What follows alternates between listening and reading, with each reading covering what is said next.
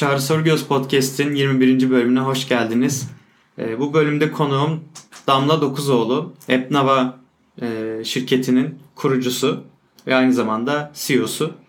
Damla ile tanışıklığımız e, doktoradan başlıyor. E, medikal enformatikte. Birlikte başlamıştık ama ben işte kızım olduğunda bırakmak durumunda kaldım. Damla devam etmiş hatta şimdi doktora yeterli çalışıyormuş. Onu da yeni öğrendim. Damla hoş geldin. E, merhabalar Çağrı, hoş buldum.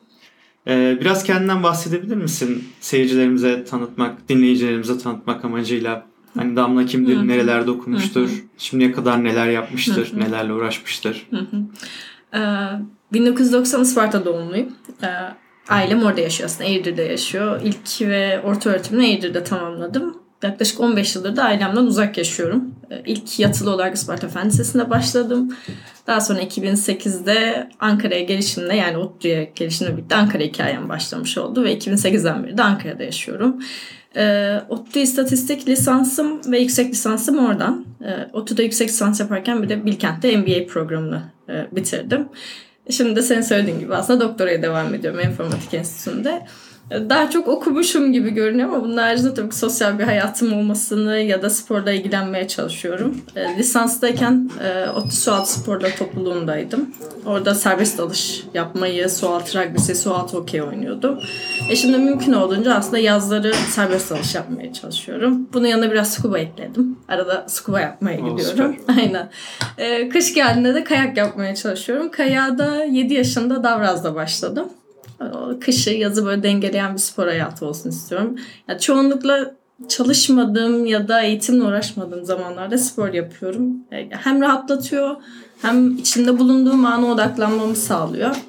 E, bunu en çok sağlayan da yoga. Biraz da yoga yapıyorum. Yemek yapmayı çok seviyorum. Bir de yemek yemeyi çok seviyorum.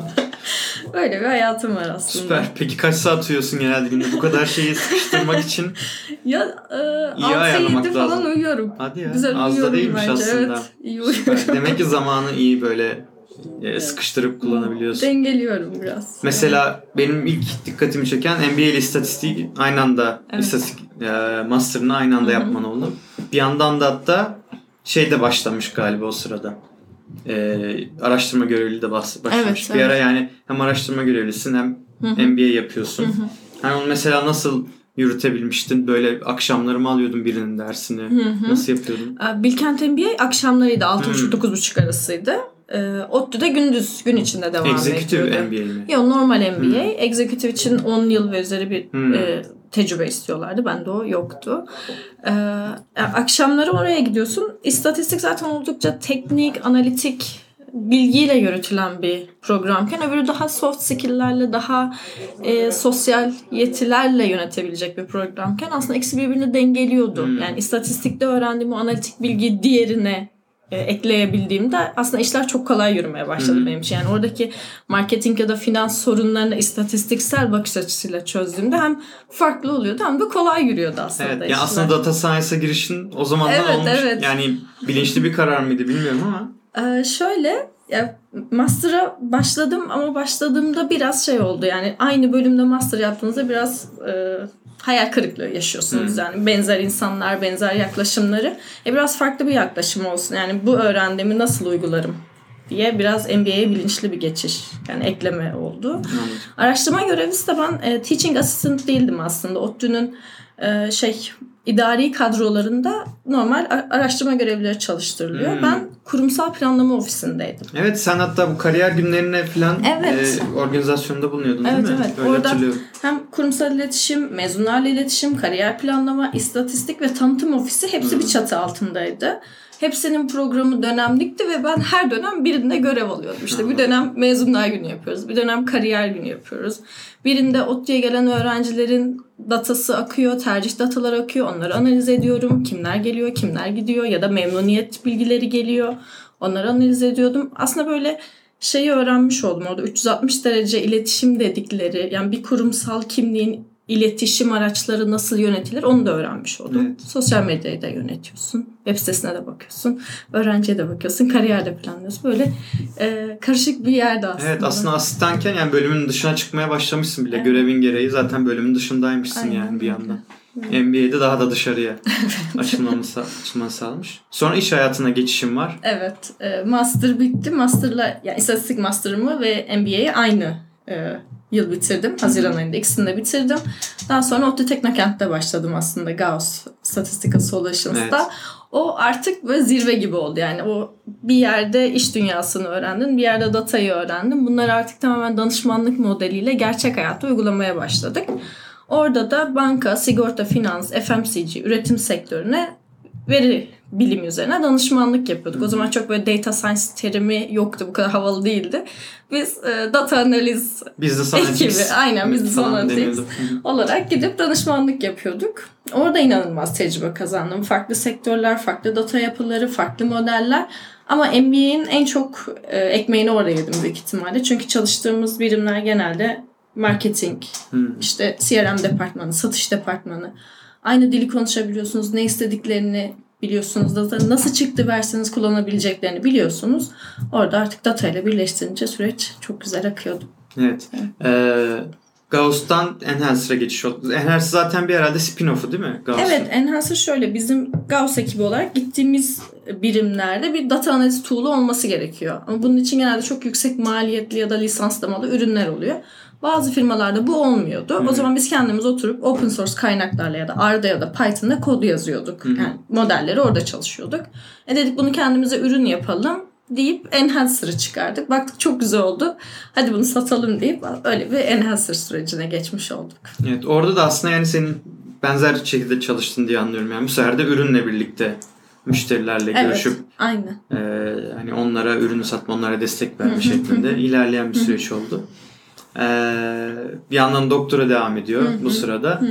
E, sonrasında Epnava'ya doğru geliyoruz. Yani Epnava fikri nasıl hani ortaya çıktı. ee, işte başvuruları yaptınız filan. Yani nasıl pişti diyeyim o fikir. Um, e, Epnava'da şans da aslında. ODTÜ Teknokent'te Amelos diye bir oyun firmasıyla tanıştık Hı-hı. ekip olarak.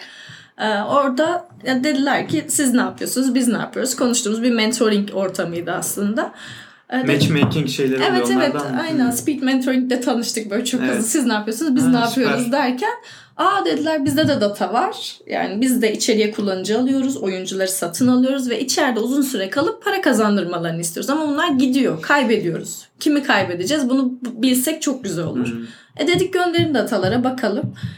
Gönderdiler, baktık, oturduk, birlikte bir şeyler çıkarmaya çalıştık. Sonra çıkan modellerin aslında onlar tarafından oldukça fazla katma değer sağladığını, yani o tahmin modelleriyle kullanıcılarının nasıl davranacağını tahmin ettikleri anda oyunun bütün akışını değiştirebildiklerini gördük.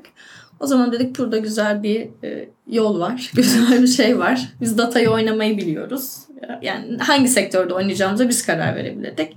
E, ben de mobil oyun sektörünü seçip diğer ekipten ayrılıp buraya kanalize oldum aslında. Evet. Bu TÜBİTAK e, genç girişimci şey üzerinden program üzerinden evet, mi? ilk 1512 oldu? desteğini Hı-hı. aldık. Evet. Ee, bu yazda Türk Telekom Pilot'un bir desteğini aldı aslında. Hı-hı. Şu an desteklerle ilerledi buraya kadar. Bugün de iki müşterisi olan bir şirket aslında. Süper.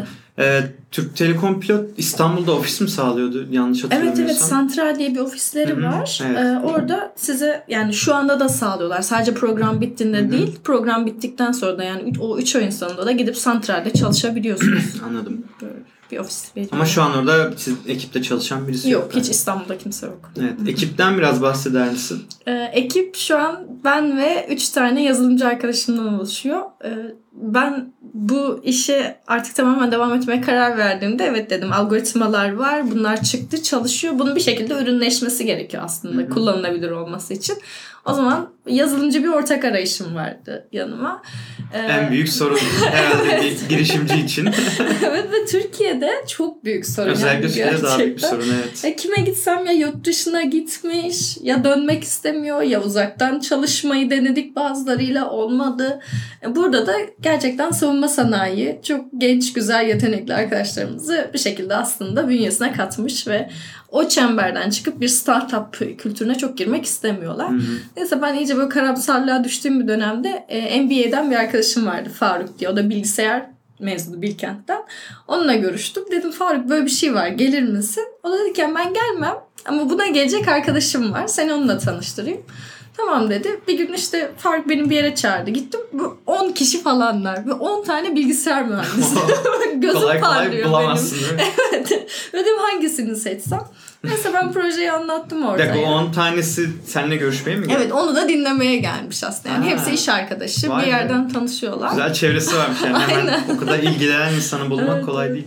Sonra e, ben anlattım hani bir tanesi içinden dönecek diye bekliyorum. Sonra yazdım işte hani ne düşünüyorsunuz diye. Asıl ilgilenen zaten 3 kişi varmış ama üçünün de hepsi birbirine şey yapıyormuş. Sen Hmm. git sen git falan. Sonra beni dinledikten sonra üçü de gelmeye karar vermiş. Biz üçümüz birlikte yapacağız dedi. Ben de okey dedim. Ha süper. Aynen Mayıs ayında e, başladık. Biz bir ay boyunca şirkete isim düşündük. Her gün buluşup böyle dördümüz bir araya gelip ne isim koysak ne isim koysak diye düşünüyorduk. En sonunda Epnava ya da Nava ismini koyarak e, Haziran'da süreci başlattık Evet. aslında. Nava'nın bir anlamı var mı? Nava aslında aktif demek Latince'de. E, biz de hani aktif navigator gibi düşünerekten evet. e, böyle bir isim bulduk. Ha, epini hani bu şekilde yönlendir Evet, falan evet. gibi anladım. aynen. Evet Aynen. güzel bir anlamı da varmış. Aynen, öyle, öyle. Ee, peki şu an o hani yazılımcı ekip e, daha çok hani ürünü oluşturmaya mı yoksa model, data science modeli tarafında da çalışıyor mu? Nasıl bir hani iş bölümü yaptınız? Aslında Orada. onlar ürün tarafında. Bütün modellemeler bende. Yani o Hmm. matematiksel algoritmaların, o makine öğrenme algoritmalarının yazılması benim tarafımdan Evet. yapıldı. O desteği aldığımız süreçte bunları ben geliştirdim. Aslında sen de tekniksin yani. Şey Evet. sen sadece o e, yazılım şey tarafında ürünleşmesi tarafında yoksun. Aynen. İşte web sitesidir onun e, işte kullanıcının girip orada login olduğu işte modeli çalıştırdığı ekranların filan arka tarafını tasarlayan kişi değilsin ama e, o modeli çalışacak olan modeli tasarlayan kişi Evet. sensin. Aynen öyle. Yani ekip şöyle benim o algoritmalarımın arkada bir şekilde çalışmasını sağlıyor. Önde kullanıcı bunu görmüyor. E, Kullanıcıların girebileceği ekranları, kullanıcıların datalarını gönderebileceği sistemleri, database'leri, cloud'da kullanmalarını sağlayabilecekleri tüm sistemleri aslında onlar yazdı Hı hı. ve onun arkasına da benim yazdığım algoritmaları koydular. Bir şekilde artık biz mobil oyun firmalarından aktif olarak datalarını alıp benim yazdığım algoritmalardan geçirerek kullanıcıların nasıl davranacağını tahmin etmelerini sağlıyoruz. Evet. Peki tam olarak hani neyin e, tahminini yapıyor bu? Hmm. Hani e, mesela ben bir e, oyun geliştiriciyim. Hı. Hani hani bana e, ne sağlıyorsunuz Hmm.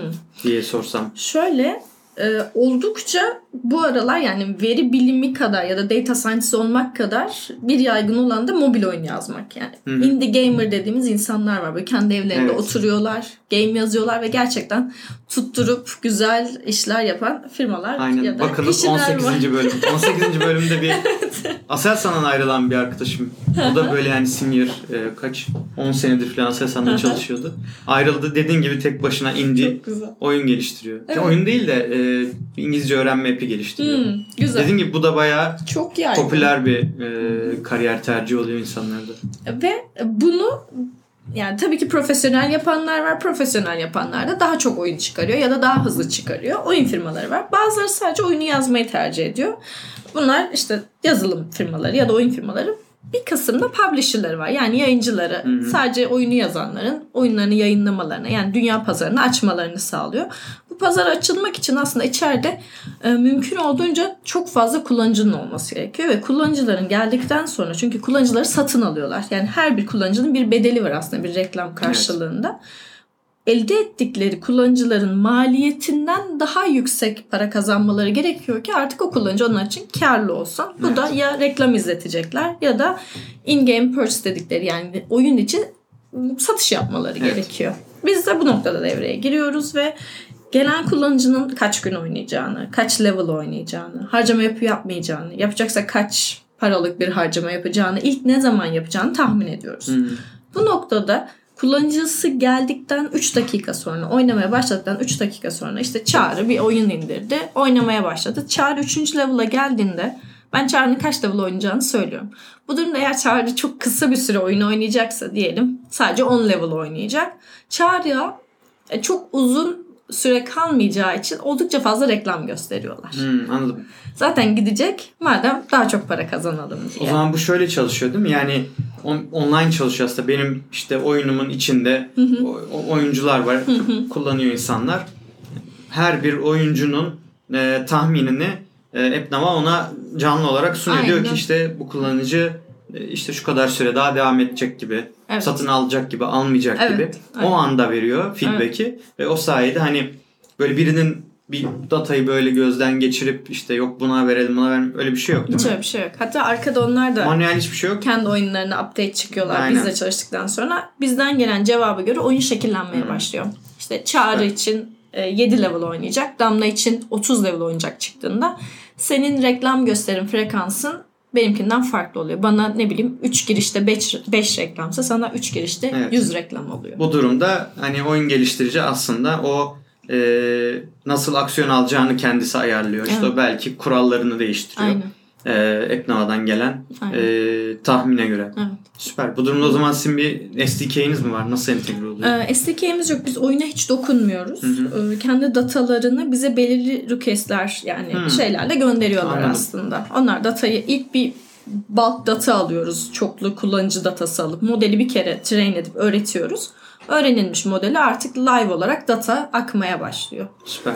Backend'de onu iletişim Evet, sağlayıp aynen. server to server Evet, birbirleriyle evet. iletişim halinde oluyorlar. Böyle. Güzel. Ee, şimdi bunu yani tabii herkes çok iyi anlayamamış olabilir. Data science deyince bir model filan bazı kavramlar biraz kafa karıştırıyor. Onlarla ilgili ben birkaç link de koyarım ee, podcast blog yazısına. Ee, o yüzden burayı çok detayına girmeden geçiyorum şimdilik.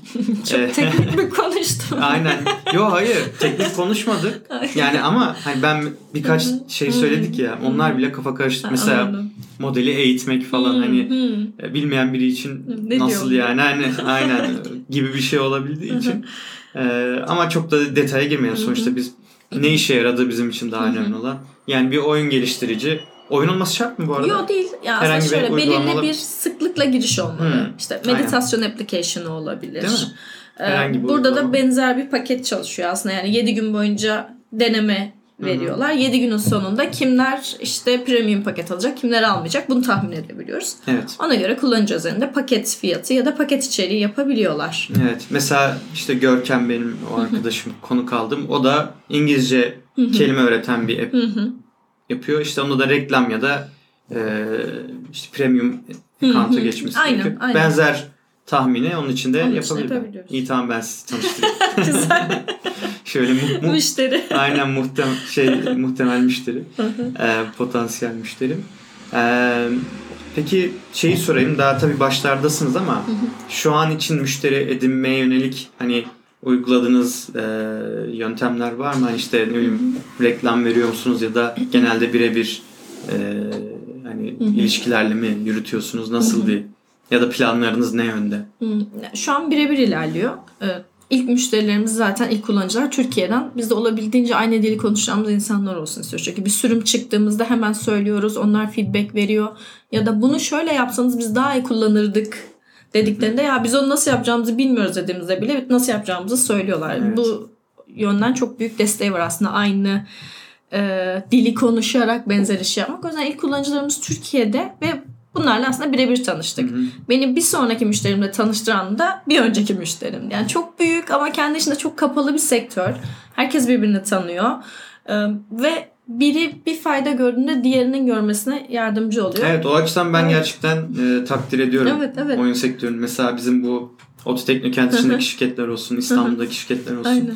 Hani öyle bir çok şey yok. İşte birbirlerine böyle rakipmiş gibi. Çünkü o kadar büyük bir pazar ki herkes kendi segmentinde e, işte o nişe odaklanıp e, büyümeye devam edebiliyor. Aynen öyle. Bu sayede aslında birebir tanışmayla gidiyor. LinkedIn çok güzel kaynak. Hı Ee, Türk Telekom Pilot'un çok büyük faydasını gördüm. 3 ay boyunca her hafta mentorluk oluyordu. Yine speed mentoring gibi yarım saatte bir değişen e, günde 10 ya da 15 arasında değişen kişiyle tanışıp konuşuyordum ve herkesin illa bir oyun firması ya da oyun yapan birini tanımışlığı vardı. Evet. Bu çok güzel kaynak sağladı bize. Buradan da yine birebir tanışmalarla LinkedIn aracılığıyla ilk kullanıcıları ve gelecek kullanıcılarımızı elde etmeye çalışıyoruz. Ama bu tabii belirli bir yere kadar bizi götürecek. Bundan sonraki yani tamamen SaaS e, bir ürün olduğu için kullanıcılar içeriye login olup datalarını gönderdikten sonra aslında tüm süreç otomatik ilerliyor. e, bize dokunmaları ya da bize bizimle iletişime geçmeleri gerekmiyor. Hı hı. Bu yönde aslında biraz daha bize artık e, organik olarak kullanıcı almanın yollarını bulmaya çalışacağız. Bunlar ne olabilir? İşte Google reklamları olabilir, LinkedIn reklamları olabilir. E, yine benzer fuarlar ya da aktiviteler oluyor. Çok güzel eventler gerçekleşiyor ve dünyanın her yerinde gerçekleşiyor. Buralar aslında hedeflerimiz arasında ya da e, belirli bir blok yaratarak ki şu an e, şeyleri, içerikleri az çok belirlenmiş durumda zaten. Oldukça kendimize case'ler yaratıyoruz çalıştığımız firmalarla. Yarattığımız bu başarı hikayelerini bir yerlerde yayarak bize ulaşmalarını sağlamayı planlıyoruz. Şu an ama herhalde blogunuz aktif değil henüz. Yok şu an case olarak web sitemizde var. Ha, anladım. Orada duruyor. Anladım. Cases diye orada var sadece. Süper. Aynen. Ee, evet mantıklı bence de yani başta özellikle böyle iyice kendine güvenir bir ürün haline gelene kadar belki globalde para yakmanın çok alemi olmayabilir Aynen. yani. Zaten Türkiye'de de bir iyi bir pazar var yani Evet, başlangıç evet. için. Ee, zaten bu dile bağımlı da bir şey değil yani her pazara Yok. Uygulanabilir bir şey. O açıdan mantıklı.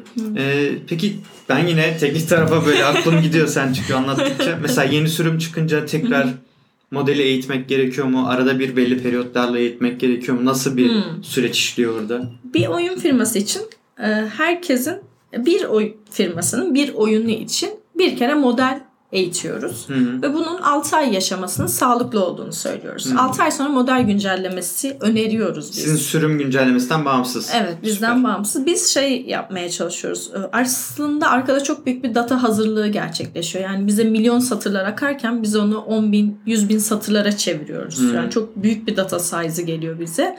E, Bunu küçültmek için çok büyük data operasyonları gerçekleştiriyoruz. Biz aslında bu operasyonları nasıl daha iyileştiririz? Hmm. Nasıl daha buradaki maliyetleri düşürürüz? Zün yolunu bulmaya Evet. çalışıyoruz. Sürümlerimizde bununla Anladım. uğraşıyoruz Peki bu aslında. otomatik mi oluyor yoksa manuel mesela kullanıcıdan ya da arkada sizin tarafınızdan bir manuel işlem gerekiyor mu? İşte verinin temizlenmesi Hı. ya da işte dediğin gibi e, boyutunun küçülmesi, Hı hı. bazı şeylerin tamamen Hı hı. atılması, bazı feature'ları Hı hı, falan gibi hani Bunlar aslında şu an otomatik. Yani Hmm, hangi süper. sorguların çalışacağı belli, çıktının ne olacağı belli, hangi datanın girip hangisinin çıkacağı her şey çok belli. Her şey otomatize edilmiş durumda. O yüzden sadece biz e, Amazon'da mı çalıştıralım bunları yoksa kullanıcıların kendi cloudlarında mı bu sorguları koşturalım? Nerede nasıl yaparız gibi bunları optimize etmeye çalışıyoruz. süper. Çünkü ona da girseniz bayağı o Evet. yani sen sırf onunla uğraşmak zorunda evet, kalırdın. evet, evet. Süper. Ee, ona ihtiyaç duymadan Evet. çalışır böyle değer üretir bir model çıkıyor olması güzel. Evet. Ee, süper. Ee, şimdi oyundan hep bahsettik. Ee, ama bunun dışında hedeflediğiniz hani segmentler var mı işte atıyorum. Ee, şöyle app geliştiricileri atıyorum hani kişisel gelişime yönelik app geliştirenler ya da ne bileyim ee, hani ya da böyle hmm, productivity app'lerine yönelik falan gibi bir Hmm. şeyiniz var mı? Yoksa şu an hani asıl odağınız oyun geliştiriciler üzerinde mi? Ben e, o da hep mobil oyunda tutuyordum. Hı hı. Ama bu meditasyon case'iyle şey fark ettik yani düzenli girişi olan app'ler bizim Hı hı. için olabilir durumda. Zaten bu şeyleri, konseptleri benziyor. Tuttukları datalar da benziyor. Yani hı. arkadaki çalıştıkları platformlar aynı olduğu için aynı datayı tutuyorlar. Evet. E, Bizim için bütün süreç otomatik oluyor. Çünkü ben mobil oyundan çıktığımız zaman bize customize bir iş gelecek korkusuyla diğer taraflara çok dokunmak istemiyordum. Hı. Ama meditasyonla fark ettik ki çok da bir farkı yok. Süper. O yüzden yani düzenli giriş olan e, şey olmaz mesela. Yani ne bileyim video yapma application ya da Hmm. fotoğraf kırpma application'ları olmaz. Çünkü oraya ihtiyacı olduğunda Doğru, geliyor. evet. Ben hani böyle ofiste sıkıldığında insanların girdiği Hmm. ya da otobüste durakta beklerken insanlar meditasyon yapabiliyor. Oyun oynayabiliyor. Evet. Yani bu tarz application'lar aslında. Anladım süper. Ee, mesela bir medya kuruluşu da belki kullanabilir o zaman. Olabilir. Yani Aynen. atıyorum e, Onidio ya da Hürriyet falan hı, mobil uygulamasında hı hı. bunu kullanabilir. Çünkü onlar da reklam geliri elde Aynen. ediyor sonuçta. Ee, güzel. Zaten oyunun bence seçmeniz bir açıdan da mantıklı olmuş. Çünkü bildiğim kadarıyla oyunda işler çok hızlı olduğu için hani kullanıcı alıyor kullanıyor belli bir süre sonra bırakıyor başka bir oyuna geçiyor. Hı hı. Orada yoğun bir sirkülasyon var ve yoğun bir para harcanıyor. Hı hı, Çünkü hı hı. sürekli yeni kullanıcı alıp işte o kullanıcı başına maliyette kullanıcı başına geliri hani orada gelir biraz üstüne çıktı mı sürekli daha çok para Evet. harcıyor e, Evet. oyun geliştiriciler. Böyle bir hani e, o kaldıraç kaldırmaya devam ettiği sürece ekstra para yükleniyor. Evet. O yüzden de hani bayağı bir data birikiyor. E, ve hani o datadan elde edilen işte sizin modelin geliştirdiği öneriler, tahminler daha da önemli hale geliyor o açıdan. Mantıklı bir seçim olmuş bence de. E, müşteri edinmekten konuştuk. Peki fiyatlandırma modeliniz şu an? En çok gözüme takılan o oldu.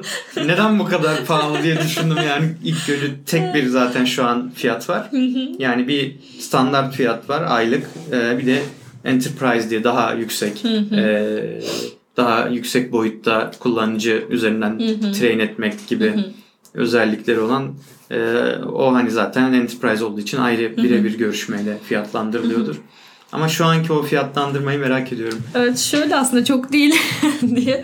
Ee, mobil oyun sektörü tamamen e, yani lokal Türkiye'de de olsa globale hizmet veriyorlar ve tüm e, ödemeleri her şey dolarla gerçekleşiyor. Ve bir kullanıcıyı içeri almak için verdikleri maliyetler yani toplam olarak reklama ödedikleri fiyatlar çok fazla. Onun yanında biz küçücük kalıyoruz ya da bu monetization dedikleri tool'lar var. Kullanıcı almalarını sağlayan, hangi kullanıcıyı nereden ne kadar aldılar sağlayan özel araçlar var. Onlar bizden çok çok daha pahalı ki biz burada bir insight sağlıyoruz. Yani içerideki kullanıcının nasıl davranacağını görmelerini sağlıyoruz. Bu bilgiyi doğru kullanırlarsa çok güzel katma değerler elde ediyorlar. Ee, o anlamda şu an çok değiliz gibi kullanıcılarımız da çok olduğunu söylemedi aslında. Daha sonra zaten aylık bir kere model kurduktan sonra biz kaç yeni kullanıcı geldiyse o ay yani kaç kişi oyunu indirdiyse ve biz kaç kişinin nasıl davranacağını tahmin ettiysek ona göre her kişinin bir çarpanı var. O fiyattan çarpıp bir aylık fatura çıkarıyoruz. Hmm, anladım. Yani şu an mesela orada aylık 499 dolar yazıyor. O İlk ay İlk model ay. kurulumu için. ha, Evet. ben o zaman orada belki Hı. ben yanlış anlamış olabilirim yani. Ben sanki her ay standart Ama Fix. sonraki aylar bundan daha çok çıkmaya başlıyor bazen. Anladım. Daha çok kullanıcı gelirse. e bazı tabii hacim artarsa evet. onu belki kabullenir. Evet. Aynen. İşte orada mesela hacim arttığında biz bu maliyeti nasıl düşürürüz diye. Hı hı. Çünkü hacim arttığında Amazon'daki maliyetler de artmaya başlıyor. E, rakamlar çok tırmanıyor. Onu kısmanın yolunu bulmaya çalışıyoruz Anladım. mesela. Anladım. Bu burası biraz belki kafa karıştırıcı. Olabilir. Ee, yani çünkü burada standart dö- 499 dolar gibi geldi bana. evet. Ama aslında öyle değil. Bu ilk, İlk ay için. kesin. Evet. O yani eğitmek için Evet, 499 dolar. Ama o zaman Ya sonra hiç kullanmazsa ben tamam modeli eğittim ve hiç denedi kimseyi olmadı falan. durdurursa Hı. hiç para çıkmıyor. Ha, tamam o zaman Evet. o zaman bayağı mantıklı olur. Ve o çarpan da hani böyle makul bir seviyede olursa yani çünkü o şey e, arada bir fark oluyor ya getirdiği gelirle senin harcadığın para. aynen. O arayı Aynen. cover edecek kadardan şey- az olursa gibi aslında 10 ile 15 sent arası değişiyor da Hmm. kullanıcı için. Yani o Evet. arkada yaptığımız o data işlemlerine bağlı yine. Evet. Çok yüklü bir data işlemi varsa 15 sentlere kadar tırmanıyor. Yoksa Anladım. 10 sent, 15 sent evet arasında 10-15 kalıyor. sentle atıyorum 50 sent e, kazanç elde ediyorsa Aynen. firma için bayağı karlı bir Evet. şey haline geliyor anladım.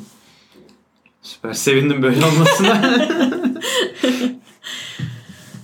Ee, evet yani aslında Eknava'dan bahsettik. Bir de e, pilota girmiştiniz. e, TÜBİTAK'tan e, destek aldınız. Bir, bir yandan da sen e, Data Science komitesine de katkı sağlamaya devam ediyorsun değil mi? Evet, yani evet. bu Kodluyoruz'un bir e, Machine Learning Bootcamp e, bootcamp'inde kaç gün ne kadar sürdü o? 6 hafta sonu cumartesi pazar 6 saatten 72 saat 72 saat boyunca sen eğitim full verdim. sen de eğitim verdin. Evet. Süper.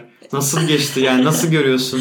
Aslında ben bunu seviyorum. Ee, diğer o danışmanlık yaptığımız dönemde de kurumsala benzer eğitimler veriyorduk. İşte R eğitimleri, Python eğitimleri, daha önce Merkez Bankası'na, Yapı Kredi'ye benzer eğitimler vermiştim ama oradaki ekipler böyle daha küçük. 5-10 kişilik, kurumsal insanlardı.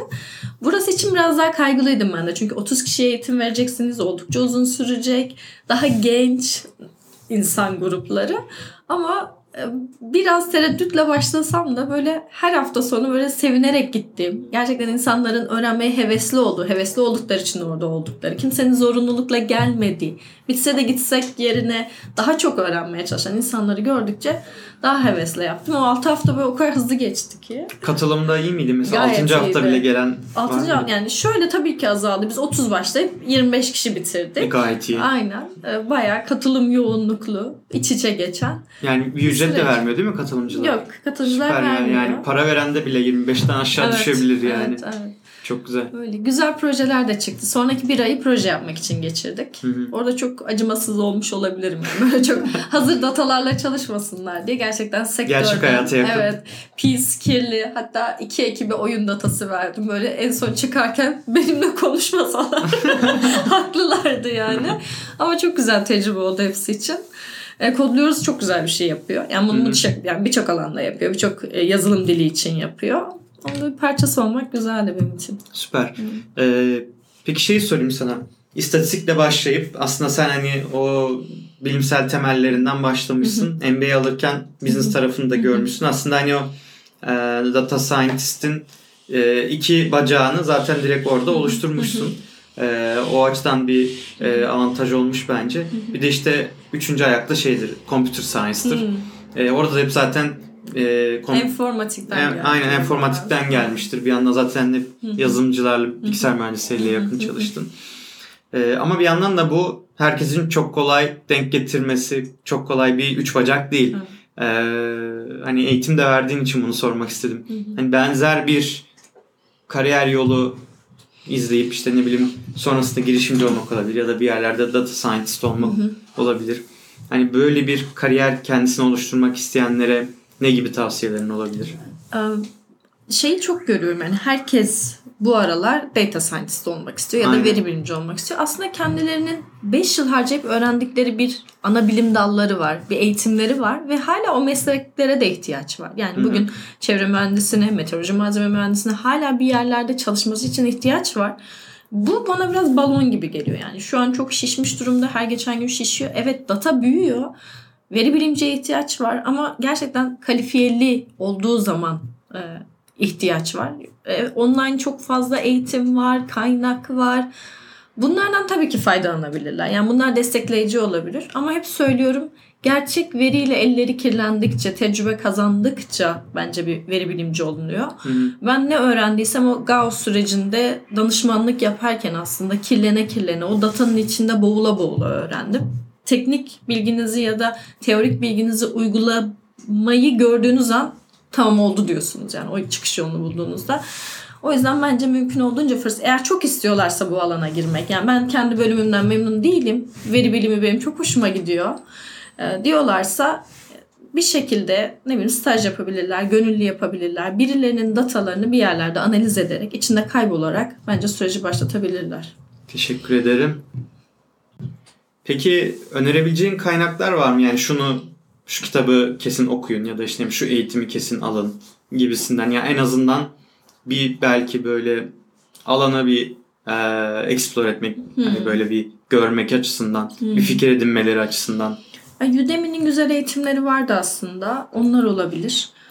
Ee, ya da Kaggle sisteminde kayıtlı çok güzel yarışmalar başlatılıyor. Yani bu eğitimleri aldıktan sonra oradaki yarışmalara katılıp Gerçi oradakiler de hazır data yani. Gayet oturmuş, güzel, temiz temiz datalar veriyorlar.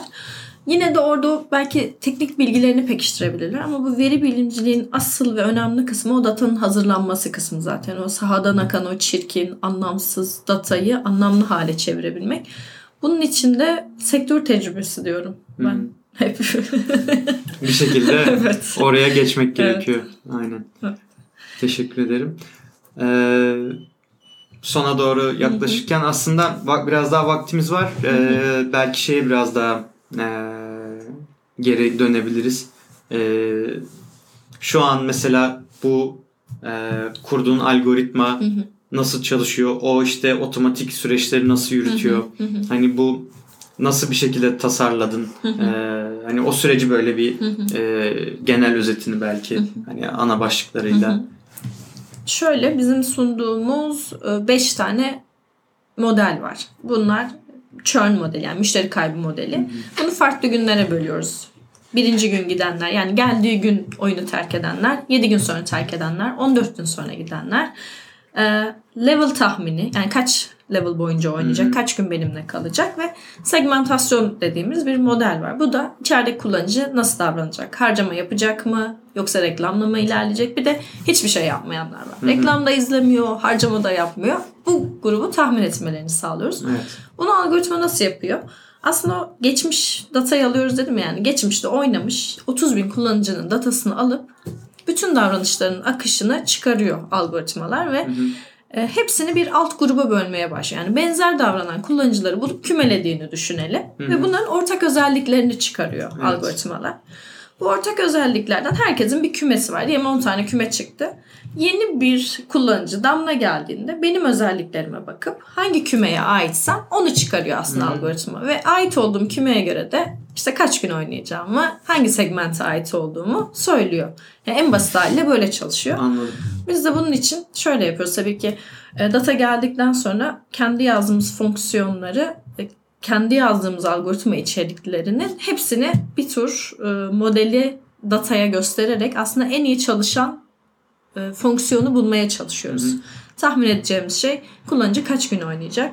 Yani y eşittir fx fonksiyonu gibi bir fonksiyonumuz var. y'miz belli. O x'lerin ne olduğunu bulmaya çalışıyoruz. Evet.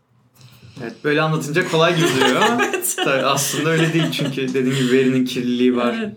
Ee, orada çok farklı hani veri türleri olabilir. Bazıları işe yarar, bazıları işe yaramaz. Bazıları birbiriyle e, hani yakın ilişki içinde olur, bağlantılı olur.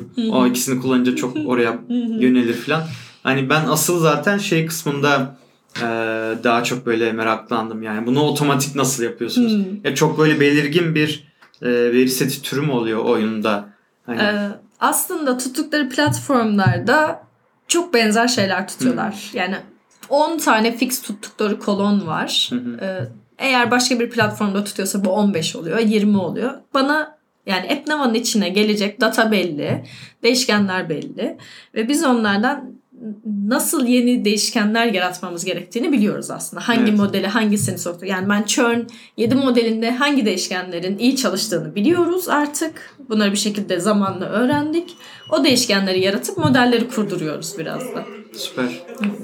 Peki şey gibi düşünceleriniz var mı ileriye yönelik? Yani böyle modeller her bir uygulama için ayrı yapılıyor. Ama işte o modellerin birleştiği başka şeyler düşün. Mesela atıyorum bir publisher belli türde oyunlar yapıyor. Birbirine çok benziyor oyunların dinamiği. Atıyorum 5 tane oyunu var. 5 oyununu da eğitiyor. Bir de üstüne belki ekstra bir eğitme gibi hani böyle şeyler de olabilir mi? Düşünüyor musunuz? Aslında e, var. Şey e, device ID dediğimiz bir ID var ve bu herkesin telefonunda ya da tabletinde unique yani tek. Her yerden takip edebiliyorum. Yani ben o device ID'yi aldıktan sonra bunu herhangi bir application'da hangi oyundaysa bu kişiyi yakalayabiliyorum. E, Büyük size'daki bu publisher yayıncılarda aslında 10 tane oyunları var. 10 tane oyununun belki ikisinde aynı kullanıcı var. Bunu e, üzerine çalıştığımız bir tane kullanıcımız var. Yani eğer bunu gerçekleştirebilirsek kullanıcımız olacak biri var. Zaten günlük 1 milyon yeni kullanıcıları geliyor. Yani 1 milyon download alıyorlar. Bu büyüklükteler ve illaki e, bir kişi birden fazla oyunda yakalayabiliyoruz. O zaman iki oyunun trendleriyle karışmış modeller kurmaya çalışıyoruz aslında. Süper. Aynen. Çünkü dediğim gibi yani oyunda çok yüksek hacimlere Evet. ulaşabildiği için e, öyle bir fırsat olabilir gibi geldi bana da. Süper. E, son olarak e, son sorularıma geçeyim. e, takipçilerimiz seni nereden takip edebilir? Sana hangi kanaldan ulaşmasını tercih edersin? Ya en çok LinkedIn'de aktifim aslında. Yani bir gün içinde mutlaka dönüş yapıyorum. Ee, özellikle veri bilimi alanından da insanlar sorular soruyor ya da kodluyoruzdan çok sık görüp geliyorlar. Elimden geldiğince bir gün içinde dönüş yapmaya çalışıyorum. LinkedIn olabilir, Twitter olabilir. Çok aktif olmamakla birlikte ama önceliğim LinkedIn. Belki e-mailimi kullanabilirler. O da LinkedIn'de mevcut. Tamamdır. Teşekkür ederim. Ben teşekkür ederim. Ee, takipçilerimize vermek istediğim bir mesaj, bir call to action var mı? İşte hani Ee, böyle kendilerini eğitmeye yönelik olabilir, diğerlere yönlendirmeye yönelik olabilir. Ya da hani e, Epnava kullanmaya ya da işte ekibe katılmaya yönelik olabilir. Her Hı hı. herhangi bir e, hani çağrı olabilir. Ee, en çok aslında belki de içinde bulunduğum ortamdan dolayı işte veri bilimci olma merakı var. Bunu gerçekten sorgulayabilirler. Ben bu mesleği yapmak istemiyorum. Çünkü yıllarca ben insanlara istatistik mezunuyum dediğimde iyi en sevmediğim ders nasıl okudun onu gibi yorumlar alırken bugün herkes veri bilimci olmak istiyor ki onun temeli istatistik. Yani bu Aynen. kadar sevilmeyen bir şey nasıl uzmanı olunacak? Gerçekten önce onu sorgulamalılar bence. Ben ne kadar matematikle ya da istatistikle iç içe olmak istiyorum. Bunu seviyorum. E, gerçekten bu alanda ilerlemek istiyorlarsa bana her zaman e, yazabilirler, iletişime geçebilirler, kaynak sağlayabilirim, destek verebilirim, stajyer olabilirler. Yani şu an bir tane stajyerimiz var. ODTÜ Endüstri'de ama veri bilimli olmak istiyor. Evet. Ve gerçekten istiyor. E, Bunları da sağlayabiliyoruz. Oyun tarafında da herkes oyun yazmak istiyor. Çünkü e, hyper casual dediğimiz oyunlar var. Çok hızlı Evet. çıkıyor, çok hızlı tutuyor ve çok hızlı sönüyor. E güzel paralar kazandırıyor. Güzel paralar da harcanıyor. Evet, güzel paralar da harcanıyor. E, bu noktada da güzel hub'lar kuruluyor. E, bir tanesi mesela Game Factor diye bir hub hı. kuruluyor. Yazılım yetenekleri olan ve bunu oyuna oyunu uygulamak isteyen e, insanlar grup grup oyun çıkarıyorlar ve yaptıkları oyunların zaten önemli olan kısmı publish edilmesi. Ve bunu da büyük publisher'larla anlaşarak yayınlanmasını sağlıyorlar. Hı hı. Böyle merakları varsa bu tarz hub'lara gidebilirler. Ee, oralara gitmek için de soruları ya da fikirleri varsa da iletişime geçebilirler. Onun haricinde Epnova e, mobil oyunu olan herkesin kullanmasını ve kullandığında %100 fayda göreceğini düşündüğümüz bir ürün. E, sign up olduktan sonra sadece e, datalarını göndermeleri gerekiyor ve bir tuşla istedikleri modeli kurup yeni gelen herkesin e, kaç gün, kaç dakika oynayacağını ve gelecekte nasıl davranacağını tahmin etmelerini sağlıyoruz. Ve bunu da dakikalar içinde yapıyoruz. Yani kullanıcı geldikten 3 dakika sonra ne yapacağını söylüyoruz. Süper. Kullanırlarsa güzel olur. Böyle olduğunu tam bilmiyordum ben. Hani e, senle konuşurken öğrenmiş oldum. E, beni daha çok etkiledi açıkçası şimdi. E, çok teşekkür ederim Damla. Ben teşekkür ederim. E, inşallah böyle ekip büyüdüğünde e, daha böyle e, yurt dışına da açıldığınızda e, böyle başarı hikayesiyle tekrar Umarım. e, konuk almak isterim seni. Umarım. Çok teşekkürler ben tekrardan. teşekkür ediyorum. Damla Dokuzoğlu ile olan sohbetimizi dinlediğiniz için çok teşekkürler. Kapatırken yine birkaç tane linkten e, okuduğum yazıdan daha doğrusu birisi okudum birisi dinlediğim içeriklerden bahsetmek istiyorum. İlk olarak bahsetmek istediğim Infinity araba markasının e, benzinle çalışan bir elektrikli araba yap, yapmaya başlaması. Yani ilk duyduğunuzda böyle bir o ne demek ya komik geliyor. Yani işte ben benzinle elektrik üretecek. O elektrikle de arabayı çalıştıracak. Hani böyle bir şey nasıl mantıklı olabilir gibisinden.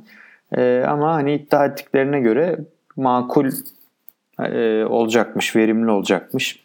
Bunun en büyük sebebi de anladığım kadarıyla e, elektrik enerjisini üreten motor yani jeneratör aslında e, ve hani benzin yakan motor aracın daha merkezi bir konumda olup aynı zamanda bu işte e, tekerleklere olan güç aktarımı ve işte hani o çukurlarda falan olan yaylanmalar hani bu sarsıntılardan çok daha az etkilenebilecek bir konumda olacakmış. E, bu sayede daha verimli elektrik üretimi sağlamayı düşünüyorlarmış. E, birinci avantaj olarak bu görünüyor. İkinci avantajı ise e, daha az batarya alanı batarya kullanarak e, aracı uzun mesafeler götürebileceklermiş. Yani bir depo benzinle e, ne kadar demişti hatırlamıyorum da 1000 kilometrenin üstünde bir miktar götürebilecekmiş. Enteresan geldi bana da okumanızı tavsiye ederim. Diğeri ise e, Girişimci Muhabbeti Podcast'in 216. bölümü. İnziva ekibinden e, Utku Yavuz ve Murat Kandemir'i Karademir'i e, konuk alıyorlar. Burada da e, İnziva'nın hikayesini konuşuyorlar aslında. Bu daha önce garaj e, ekibi olarak e, ekibinin kurucusu olarak Murat'ı daha önceden de konuk etmişlerdi. Ben de kendisiyle yüzde tanışma fırsatı da bulmuştum daha önceden. Ee, şimdi ise işleri daha da büyütüp ve sürekli böyle e, bilgisayar bilimlerine yönelik eğitimler veren, yarışmalar yapan ve hani böyle kendi e, koyduğu işte vizyonu olan, hani belli bir amacı olan bir komünite kurmuşlar. E, aslında bir vakıf iştiraki diyebiliriz. E, gerçekten heyecanlandırdı beni e, kendilerinin tutkuları ve e, vizyonları. Bunu da dinlemenizi tavsiye ederim. E, bu linkleri ve aynı bunların linklerini ve aynı zamanda da e, Damla ile konuştuğumuz konuların, kişilerin linklerini blog yazısında ve podcast metninde e, ya da işte YouTube'dan dinlerseniz YouTube e, açıklama metninde bulabilirsiniz. Bölümü kapatmadan önce son olarak podcast'e gelen bir yorumu okumak istiyorum. HYU alt çizgi isimli kullanıcı teşekkürler başlığıyla bir yorum yazmış. Çağrı Bey böyle bir çalışmayı yaptığınız için tekrardan teşekkür ederim. Kaliteli içeriklerinizin artarak devamını dilerim. Teşekkür ederim öncelikli yorum için ve kendisi 5 üzerinden 4 yıldız vermiş. Oy verdiği için de tekrardan teşekkür ederim. Bir sonraki bölümde görüşmek üzere. Hoşçakalın.